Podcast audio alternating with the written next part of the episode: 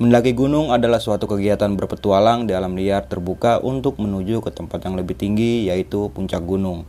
Mendaki gunung memang memiliki sensasi yang menyenangkan. Namun, mendaki juga dapat berisiko besar bagi para pendaki. Mulai dari tersesat, hilang, bahkan nyawa bisa menjadi taruhannya jika tidak mengutamakan keselamatan. Salah satunya adalah seorang pendaki berusia 20 tahun asal Jawa Timur yang bernama Raffi Dimas Badar. Ia dinyatakan meninggal setelah 16 hari menghilang. Setelah hilang lebih dari dua pekan, pendaki gunung yang juga mahasiswa Universitas Wijaya Putra Surabaya, Jawa Timur akhirnya ditemukan tim SAR. Korban ditemukan tersangkut batu di jurang sedalam 100 meter. Menurut seorang tim SAR, ada beberapa kejadian mistis yang terjadi selama proses pencarian pendaki tersebut. Salah satunya adalah pengalaman dari Masugi, seorang tim SAR yang ikut mengambil peran dalam proses pencarian almarhum Raffi Dimas Badar. Namun sebelum masuk ke ceritanya, kita doakan terlebih dahulu kepada almarhum semoga ditempatkan di sisi Tuhan Yang Maha Esa dan bagi keluarga yang ditinggalkan selalu diberi ketabahan serta diberi kesabaran.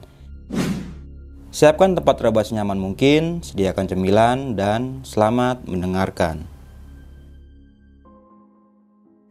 Halo nges, balik lagi bareng gue Bang Mange, pria gemoy tanpa bahan pengawet. Dan di samping gua kali ini udah ada narasumber yang udah pernah menceritakan tentang mengevakuasi salah satu korban pesawat yang ada di Gunung Salak nih, yaitu pesawat Sukhoi. Oke, langsung aja nih gue sapa narasumber gua pada malam kali ini. Selamat malam Om Sugi. Wih, malam. Apa kabar nih Om Sugi? Sehat Baik, ya? Alhamdulillah. Ketemu lagi.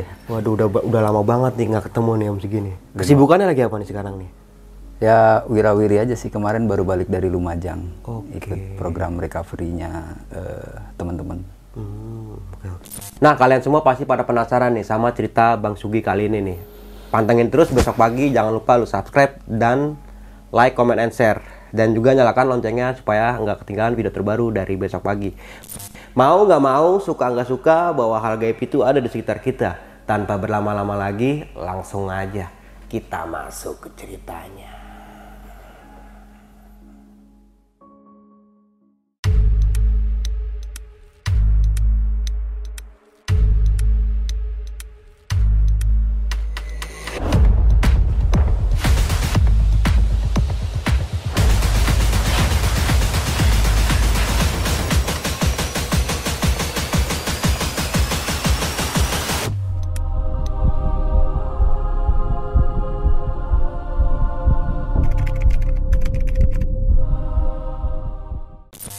Kemarin yang Lumajang itu eh yang Lumajang.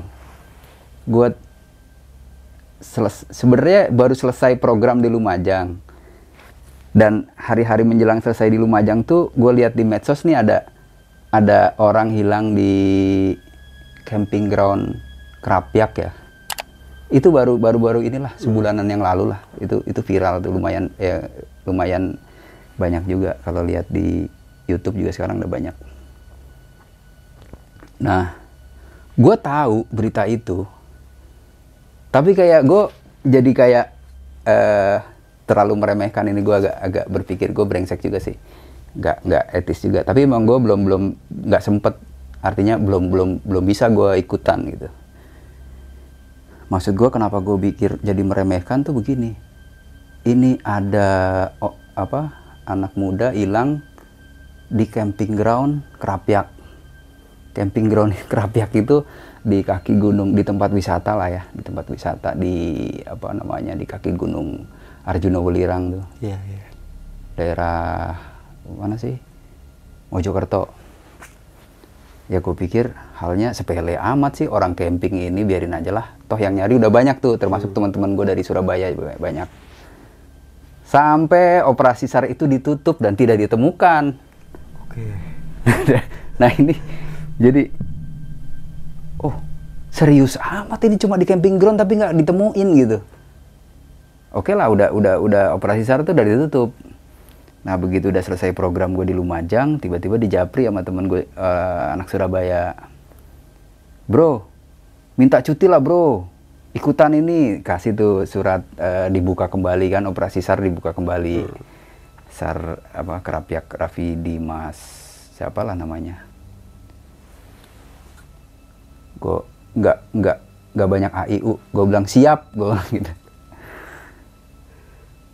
eh, kan kalau itu operasi SAR mau dibuka lagi tanggal berapa ya hari hari Senin gitu. Udah gue hari Sabtu ke meluncur ke lokasi gitu.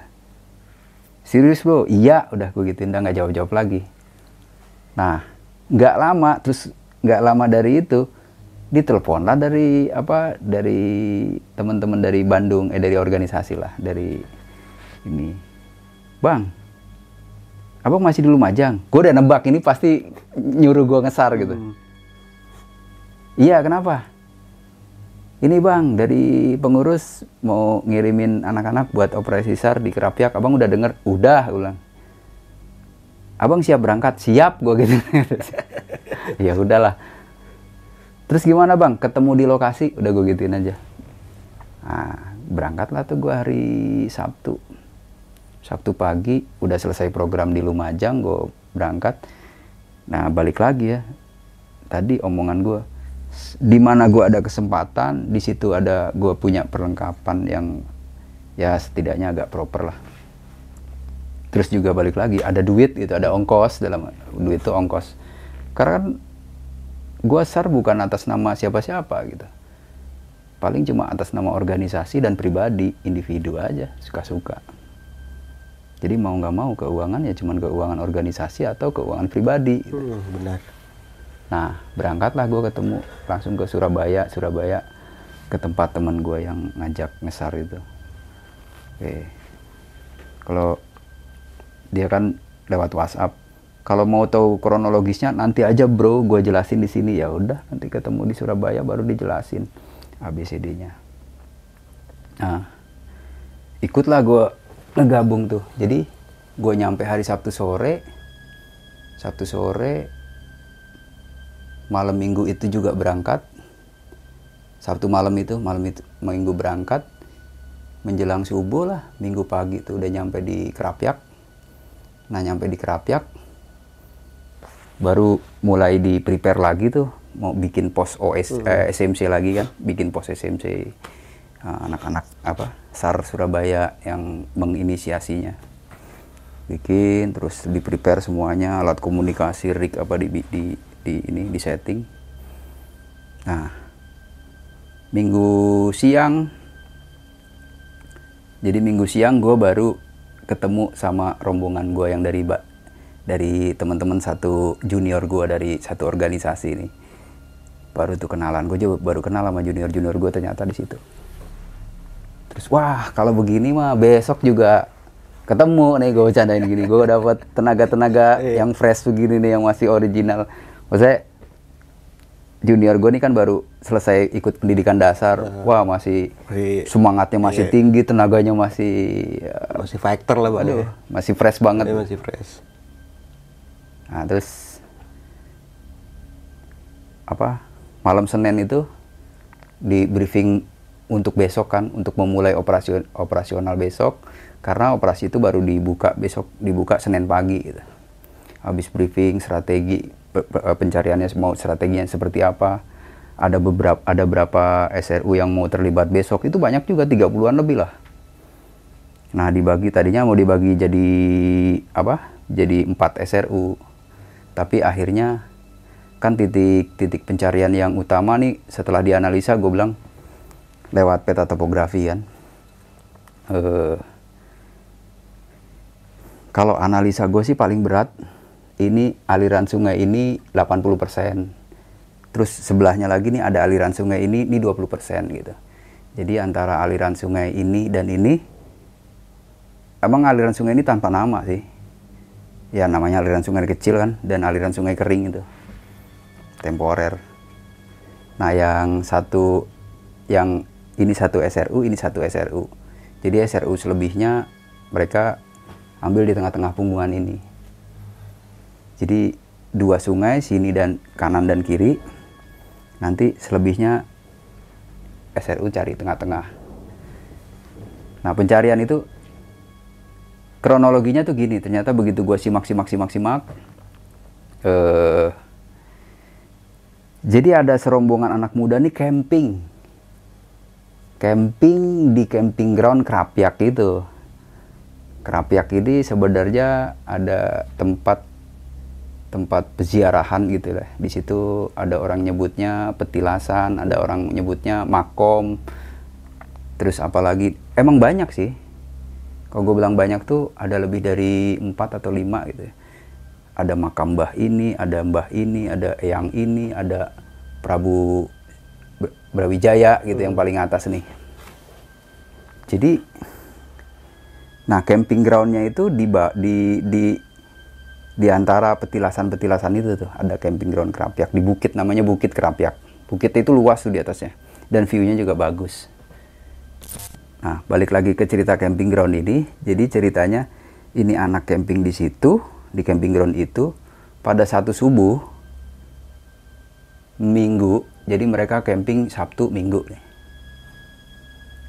ini namanya Raffi Dimas. Raffi Dimas ini sholat subuh pagi itu. Musolanya juga nggak jauh, ada musola di camping ground itu. Dan gue sempat gue lihat juga musolanya, dan gue juga camping dekat situ akhirnya. Setelah sholat subuh, dan pada saat sholat subuh ini, ini si Raffi ini pakai sendal kan kita eh, ilustrasikan atau membayangkan aja. Dia ambil ambil sendal ini kan asal-asalan aja ya. Diambillah sendal perempuan, mungkin. Dipakai tuh sendal perempuan dipakai sholat subuh. Nah setelah sholat subuh kan ngapain juga? Ini bayangan gue nih. Mau ngapain lagi sih? Mau balik lagi ke tenda masa mau tidur lagi gitu?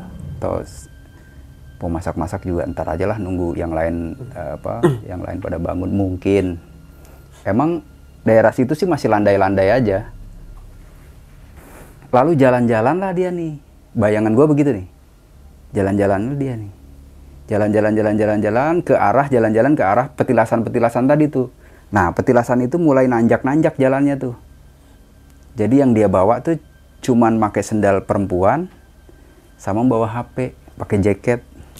Terus sampai anggaplah sampai minggu siang ini teman-teman ini teman-temannya si Raffi ini nungguin si Raffi nggak nggak nggak ada gitu. Karena kan mereka subuh nih nggak tahu si Raffi ke mana. Raffi nggak pulang-pulang eh nggak pulang-pulang nggak nggak Nggak balik ke nggak camp. balik lagi ke tenda. Turunlah mereka tuh eh, menjelang siang mereka turun dan lapor bahwa ada temennya yang menghilang. Bukan hilang kan berarti kan? Menghilang. Menghilang ditungguin ditungguin dilaporkan sampai sore segala macam. Nggak nggak balik juga. Nah positifnya dia menghilang itu kan karena dia nggak balik lagi ke tenda terus motornya dia juga masih dititip di tempat parkiran kan gitu. Nah dari situlah minggu senin baru dilakukan pencarian begitu operasi SAR itu dibuka nih gue kan belum terlibat ya nih pada saat operasi SAR Yang itu pertama kan ya, Bang, pertama ya? ya termasuk teman-teman gue anak sal Surabaya juga udah terlibat tuh di situ. Dan menganalisa segala macam pencarian. Jadi di dekat jalur eh di dekat camping ground itu ada jalur yang ke arah petilasan-petilasan tadi tuh ke arah makam-makam makam petilasan terus lempeng. Nah itu ternyata ada satu objek namanya putuk puyang. Kalau bahasa Jawa putuk puyang. Tapi sebenarnya putuk itu bukit. Pucuk lah putuk puyang. Bukit bukit ke arah ini jalurnya jalur sebenarnya ini jalur pendakian ke arah Gunung Arjuna Welirang atau kembar satu kembar dua. Arjuna Welirang lah tepatnya. Tapi jalur ini nggak nggak jalur ini nggak pernah dipakai buat pendakian. Tapi yang viral cuman jalur ke Pucuk Puyang ini ke Putuk Puyang ini dah. Nah dari camping ground ke arah Pucuk Puyang ini banyak tanda-tanda apa namanya eh, panah tanda panah terus ininya arah Pucuk Puyang Pucuk Puyang gitu kan. Nah dia mungkin ikutin itu terus tuh. Dan dilalahnya apa dilalah kebetulannya jadi dari petilasan petilasan petilasan ini ini ada petilasan yang paling atas namanya peti- petilasan Brawijaya di sekitar situ tuh ada rombongan orang lain yang camping di situ di atas itu ada rombongan orang lain camping dan kebetulan juga itu salah satu orang yang camping itu ngevideoin pakai HP ngevideoin itu se- seputaran gini nih. Berapa? S- 360 derajat ya?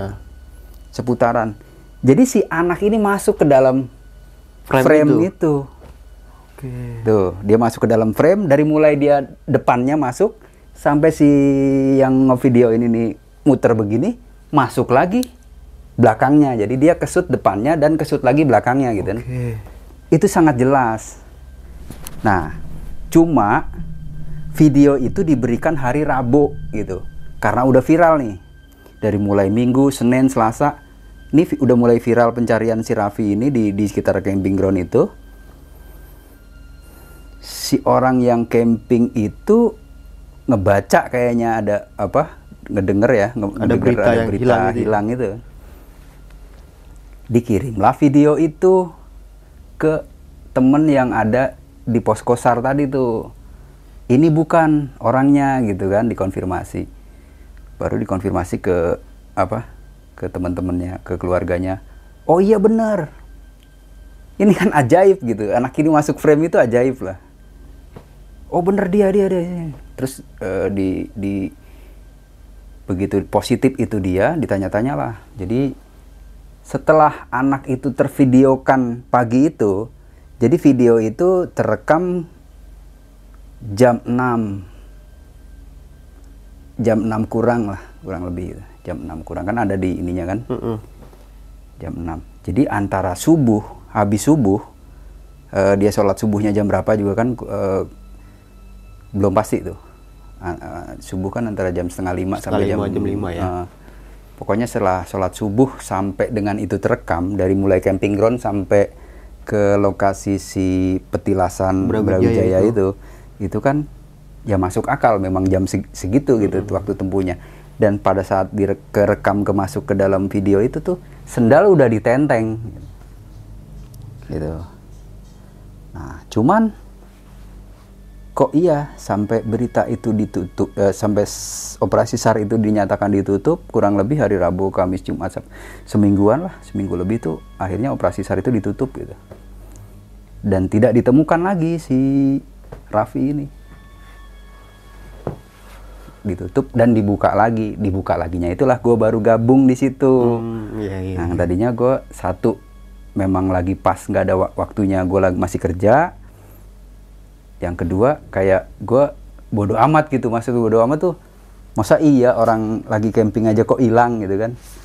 Ternyata seserius itu. Jadi hal satu yang nah setelah itu gue balik lagi ke cerita yang tadi itu yang gue sempet ikut eh, dan ikutan akhirnya ikutan operasi SAR gue dengan junior gue enam orang terus tujuh orang lama gue ya tujuh orang nih gue minta ke ke temen gue anak SAR Surabaya kalau bisa gue jangan di jangan dipecah nih SRU-nya gitu. satu SRU gue gue akan konsentrasi nyari ke aliran sungai ini.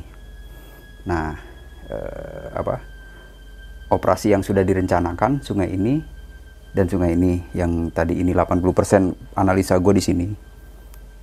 Karena lihat dari konturnya dan sebagainya dan analisanya begini gue udah pelajarin dia akan lari ke sini gitu ya. Sampai ya mungkin biar jadi semangat nih gue dalam arti bukan bukan sosokan atau sombong-sombongan gue sampai gue bikin ini kalau nggak ada di sini gue nyerah gue bilang kalau nggak ada di aliran sungai ini gue nyerah nah strateginya tuh sebenarnya bisa top bisa down top dari bawah ke atas nyusurin sungai atau bisa dari atas ke bawah strateginya begitu bisa Hmm. tapi operasi SAR mau dibuka lagi kan hari Senin. Gua malam malam Minggu, malam Senin itu udah di situ, udah briefing, ikut briefing dan sebagainya. Nah, gue bilang sama gue minta izin sama eh, we- sama SMC. Kalau boleh, gue sama temen-temen mau duluan ke camping ground ya, karena nih pos OS, pos SMC dengan camping ground ini beda jaraknya beda. Pos SMC-nya di bawah. Nah, ini camping ground-nya ini masih di atas lagi karena dia harus lewatin tanjakan apa? tangga-tangga tangga-tangga terjal banget, tangga-tangga batu lagi, tangga-tangga tangganya orang untuk ke tempat petilasan itu. Dan lumayan tinggi. Ya gue pikir satu gue izinnya biar besok hemat waktu. Gue lebih santai gitu. Yang kedua, gue pengen ngajak teman-teman gue nih junior junior gue nih saudara gue nih mereview dari awal gitu. Dari mulai camping ground. Diizinin lah. Diizinin gue tapi akhirnya pagi-pagi itu juga yang Senin pagi itu justru tim SRU yang udah dibentuk ini udah naik ke camping ground udah gue masih pada masak-masak baru mau makan gitu mereka udah datang udah ngumpul. Ya udahlah akhirnya bareng tuh. Kita packing packing terus gue bilang di situ gue coba ikutan mereview ke teman-teman yang ada di situ termasuk ke junior gue nih lo lihat itu musola. Kita anggap yang musola tempat dia sholat subuh tadi tuh. Nah dari sini kira-kira areal tenda dia di daerah sini. Nah makanya gue pak bilang malam itu gue tanya ke enam orang ini lu ada yang apa rajin sholat nggak subuh gue bilang gitu. Pada main tunjuk-tunjukkan ada bang nih ntar dua orang gitu. Tapi nggak tahu tuh subuh itu dia sholat atau enggak maksud gue di, emang apa bang? Nanya-nanya. Emang kenapa bang? Nanya-nanya yang suka sholat. Ya bukan apa-apa. Gue pengen ngebayangin yang sholat itu ya si Raffi itu gue bilang. Kalau sholat subuh terus bagaimana bagaimananya oh itu doang. Ya udahlah. Akhirnya dari musola itu kita review. Terus tuh anggap aja nih dari sini si Raffi cuman pakai sendal gue bilang. Nggak bawa apa-apa nggak bawa air minum nggak bawa makanan pakai jaket bawa handphone doang. Kan gitu. Itu kalau dicari videonya juga masih ada video yang pendaki eh apa orang camping ngerekam dia tuh. Coba kita kita membayangkan jadi si Raffi ayo sama-sama kita naik gitu. Eh, sampai di aliran sungai yang mau gue telusurin itu dan rencananya sebenarnya sih awalnya gue pengen dari bawah ke atas gitu kenapa dari bawah ke atas? Karena lebih aman. Tapi pada kenyataan besok paginya sambil mereview mulai dari camping ground musola terus jalan setapak. Oh dari sini nih. Udah mulai jalannya apa terjal gitu ya. Dan sampai tempat dia kerekam sama si orang camping itu kan sendalnya ditenteng. Berarti kenapa ditenteng? Ya karena udah licin lah jalannya udah terjal. Dan dia nggak bawa air loh jadi dan saat kerekam itu dia ngos-ngosan itu nggak ke kayak nggak orang nggak kehausan ngos-ngosan biasa aja. Tapi gue gue pikir gini gue kasih tahu ke mereka ada kemungkinan dia sudah minum di sini di daerah ini di Eyang Badak tuh ada petilasan namanya Eyang Badak yang itu kita jadiin base buat OSC on scan commander. Yang tadi di awal gue cerita ini ada SMC ini ada OSC nah OSC nya di Eyang Badak nah itu di situ ada toilet lah di Eyang Badak itu dan ada ada tandon air drum. Kemungkinan dia minum di situ. Satu ya kan? Atau di sini nih deket deket ada bukan warung ya. Itu sebenarnya buat orang-orang yang ziarah ke petilasan itu suka tidur di situ tuh ada keran juga. Jadi gue yakin kalau dia nggak minum di sini di toilet itu kalau nggak dia di keran itu gue pikir gitu kan. Tapi artinya ini anak kondisi nenteng sendal terus nggak kehausan nggak nggak nggak kelihatan dia ngap-ngapan gitu. Santai aja santai naik. Dari situ dari jam 6 terekam itu sampai siang camping turun ini kalau menurut cerita ini si Raffi ini nggak turun-turun gitu jadi nggak ketemu lagi nggak saat dia turun tuh nggak- nggak ada nggak ada si Raffi turun. Menurut laporan teman-teman eh, anak-anak yang camping tadi nih. Karena ditunggu bukan ditunggu ya sampai mereka turun tuh nggak ketemu lagi orang turun gitu. Si Raffi ini termasuk nggak turun. Nah artinya itulah yang gue telusurin terus sampai jalur itu sampai ke Pucuk Puyang. Tapi sebelum ke Pucuk Puyang kan ada pertigaan. Pertigaan ini yang ke arah jalur pendakian eh, Arjuna Ulirang ini Nah, gue gua lanjut dulu nih sebelum belok ke Pucuk Puyang. Karena jalur yang gue telusurin ini pertama masih banyak sign-signnya atau tanda-tanda panah Penanda ke ya? arah Pucuk Puyang. Setelah Pucuk Puyang tanda panah ke Pucuk Puyang ini nggak ada lagi tanda. Terus aja lempeng Eh, apa? Nah, jalannya tuh makin makin sempit yang ke arah jalan ke puncak ini ke apa? ke Arjuna Ulirang ini makin apa ya belukarnya makin semaknya makin banyak gitu jadi dengan kondisi misalnya kaki apa celananya dilinting terus dia nenteng sendal gue pikir oh ini udah mustahil dia ke sini hmm. tapi semua itu juga gue apa gue minta pendapat dari regu ya teman-teman gue juga yeah. Gue bilang menurut lu gimana nih? Lu, lu, lu. Wah nggak mungkin bang. Nggak mungkin bang. Jadi itu 90% lah kira-kira semuanya menyatakan nggak mungkin lewat sini. Oke? Okay?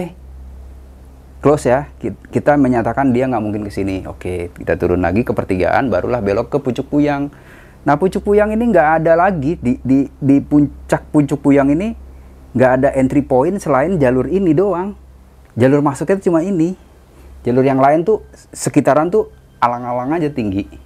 Tapi emang view-nya bagus. Hmm. Alang-alang alang-alang ini nggak kelihatan ada jalan keluar lewat situ. Tapi dari pengalaman gue yang beberapa kali ini kan, makanya gue tuh agak senengnya di situ tuh bawa anak-anak muda. Gue bilang, coba lu sekeliling kita apa kita mencar kita sekeliling apa namanya alang-alang kalian cari jalan yang kira-kira bisa diterobos gitu termasuk gue nyari juga. Hmm. mencar nih jalan tikus wah oh, ada bang ada bang ada bang. Ya gue juga ada nih. Ternyata di balik alang-alang itu banyak jalan-jalan kecil gitu. Terus ada juga bekas orang ngecamp ya kan. Nah akhirnya jalan itu mengerucut jadi satu. Tep tep tep tep agak terjal juga sampai ke dasar sungai. Dasar sungainya kering. Dasar sungai kering. Semuanya sampai di bawah nih berdelapan termasuk gue eh bertujuh termasuk gue terus gue bilang coba yuk sebagian kita ngecek ke atas. Sebagian tunggu dulu di sini. Gue ikut termasuk ikut ngecek ke atas. Pun ketemu sampah-sampah juga ini antara sampah kan masih baru. Mungkin sampah pencari yang kemarin ikutan ngesar. Atau sampah apa gue juga ngerti. Akhirnya ya udah daripada ini kita bersihin aja. Bawa nanti buat bukti gitu nah sampai ke atas kira-kira udah nggak mungkin udahlah nggak. Ini sepertinya cukup kita nyampe sini.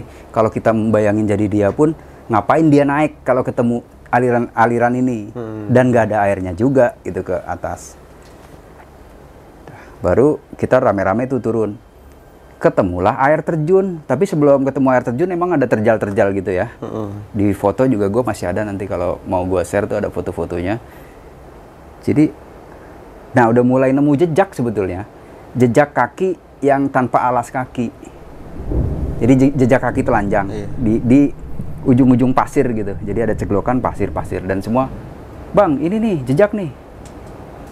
Coba lo lihat. Oh iya nih punya dia nih gue bilang. Ini bener jejak kaki tapi gue bilang e, masih gitu. Oh iya nah gua, biar buat mereka semangat kan teman-teman semangat nih. Itu dia itu begitu udah coba kejar pelan-pelan aja telusurin telusurin telusurin ketemulah air terjun bentuknya undak-undak lagi tuh. Yeah. tapi sebelum ini undak-undak yang pertama nih ada cekungan airnya masih ada. Mangkok gitu ya. Nah, sininya nih nggak kelihatan. Nah dari situlah kita berhenti. Kita cek ke kiri atau ke kanan gitu. Wah nggak ada lagi bang. Udah blank. Ya udah kita cari jalan keluar lah kita pelipir aja ke kiri. Nyampe lah di punggung di punggungan di punggungan ini ketemu jalan setapak lagi nih jalan-jalan kecil lah jalan-jalan pemburu atau apa terus kita telusurin sampai ke sampai ke aliran sungai aliran aliran air lagi tuh aliran sungai lagi kan tapi kan nih alirannya kering tanpa air udah set nah Begitu nyampe lagi di dasar sungai, kita telusurin lagi tuh ke atas ke air terjun itu tadi tuh hmm. ke bawah. Gue bilang kita harus telusurin sampai bawah air terjun tadi tuh. Nah, sebelum telusurin itu kan udah jam 12 siang tuh. Hari apa Senin itu. Jadi gue mulai Senin pagi nih, Senin jam 12 siang gue buru-buru aja. Ini kita harus ikutin gue berusaha ikut aliran pipa itu pipa itu kan ke tempat para peziarah tadi tuh. Ah. Kita gue kejar ke ujung pipa, ntar kita makan siang di situ. Oke deal bang.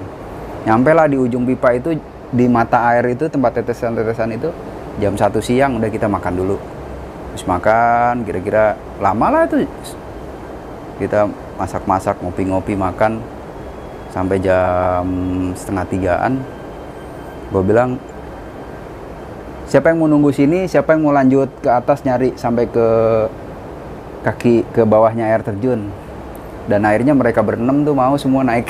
Gue yang nungguin barang-barang itu Sebelum lanjut ke cerita, untuk kalian yang ingin menjadi narasumber di besok pagi dan mempunyai cerita horor dalam pendakian, kalian bisa kirim cerita kalian ke Instagram official besokpagi.idv atau melalui email besokpagi.ch@gmail.com. Nah mereka mereka semua ada tuh. Gue sendirian nungguin di tas itu. Ya sambil tidur tiduran ngerokok ngerokok ngopi lagi. Gue bawa termos kan sambil nunggu mereka balik lagi. Ya kira-kira jam setengah empat lah tuh. Mereka balik lagi tuh. Balik lagi dari jauh tuh udah teriak-teriak, udah apa ya. Gue tanya, gimana? Aman bang. Ketemu ceceran bang. Udah pada ngumpul, ketemu apa? Sendalnya ketemu. Lu bawa? Bawa. Terus dikasih lihat tuh. Oh iya, positif nih sendal yang dia bawa gitu. Sendal sendalnya bener sendal perempuan. Hmm. Terus cuman orangnya kita belum eh, apa subjeknya korbannya kita belum lihat bang. Cuman dari enam orang ini semuanya bau gitu. Yakin lu bau? Yakin bang. Ya udahlah, dia udah di situ. Ini udah sore, kita turun ke pos OSC, kita bikin camp di sana kan perlengkapan kita kita taruh di sana tuh di pos calon pos OSC kan. Iya. Ada pondoknya peziarah di situ, yang wadak namanya. Jadi ransel kita taruh di situ, yang kita bawa buat searching tuh depek-depek ya isinya yang buat makan siang sama alat masak seperlunya aja sesiang itu seharian itu. Nah, setelah ketemu itu baru kita turun lagi turun ke tempat lokasi kita naruh keril baru kita bikin tenda. Karena udah sore kan udah dikasih tahu ke OSC bahwa kita udah nemuin ini ini ini ini apa sendalnya buktinya udah nah udahlah kita bikin camp. Malamnya baru evaluasi lagi tuh evaluasi untuk eh, sekaligus briefing buat skenario besok pencariannya atau lanjutnya bagaimana. Nah, dari satu, dua, tiga SRU, tiga SRU besar ini jadiin satu lagi, pecah jadi dua. Satu menelusuri sungai yang tadi siang gua telusurin, yang kita telusurin bareng-bareng. Nah, dua yang langsung ke lokasi ke atas air terjun tadi tuh. Iya. Jadi bagi dua, cuman dengan alat-alat yang sudah kita persiapkan, bawa tali, bawa pulei, bawa webbing, bawa harness dan sebagainya lah. Yang nanti bakal turun juga harus pakai helm dan sebagainya udah. Nah besoknya kita lanjut begitu pencarian eh pencarian melanjutkan rencana yang udah kita sepakatin tadi malam pagi-pagi bagi dua Nah, sampai di lokasi baru prepare-prepare tuh. Gua nggak ikutan. Gua ada di pos OSC ada nunggu aja standby gitu. Oke. Ya udah. Ya maksud gua analisa gua udah tepat, udah dia udah dalam hati ya udah biarin aja eh, apa mereka yang bekerja udah banyak banget gitu. Gua standby aja di ini. Ya bercanda-bercanda aja sih gua bilang. Bang lu nggak ikut gitu. Ya lu lah yang muda-muda, jangan gua-gua lagi gitu. Nah sampai di situ akhirnya ya dengan upaya-upaya mereka tuh udah bisa lah si subjek itu dievakuasi ke atas, dievakuasi ke atas, terus di apa di Pulasara lah ya, di Pulasara terus dievakuasi sampai hab- habis maghrib baru bisa sampai ke pos SMC dan serahkan langsung ke pihak keluarga, Nah, kira-kira gitu. Oke. Akhirnya ketemu bang si survival ini. ya ketemu dan cepet gitu alhamdulillahnya bisa cepet. Dan kenapa bisa cepet? Ya tadi gue berbekal dari pengalaman gue yang awal dulu Iya. tuh terus terus terus terus dan makin analisa analisa ini makin asik gitu. Jadi kalau orang bilang orang nanya gue alasan gue mau berangkat sar karena demi kemanusiaan karena demi menolong orang gue sebenarnya di otak gue udah nggak ada itu gitu. Otak gue tuh cuman pengen bener nggak nih? Bener nggak nih? gitu. Cuma pengen membuktikan ya, Bang, ya? Membuktikan analisis Ya, yang iya. selama ini udah dikembangkan iya gitu jadi gue nggak munafik karena nggak sosokan. Gue pengen nolong orang sih. Iya. nggak terlepas itu ya emang misinya misi menolong tapi beneran. Di otak gue tuh kadang-kadang udah udah nol. Maksud gue eh, apa rasa menolong tuh bukan itu.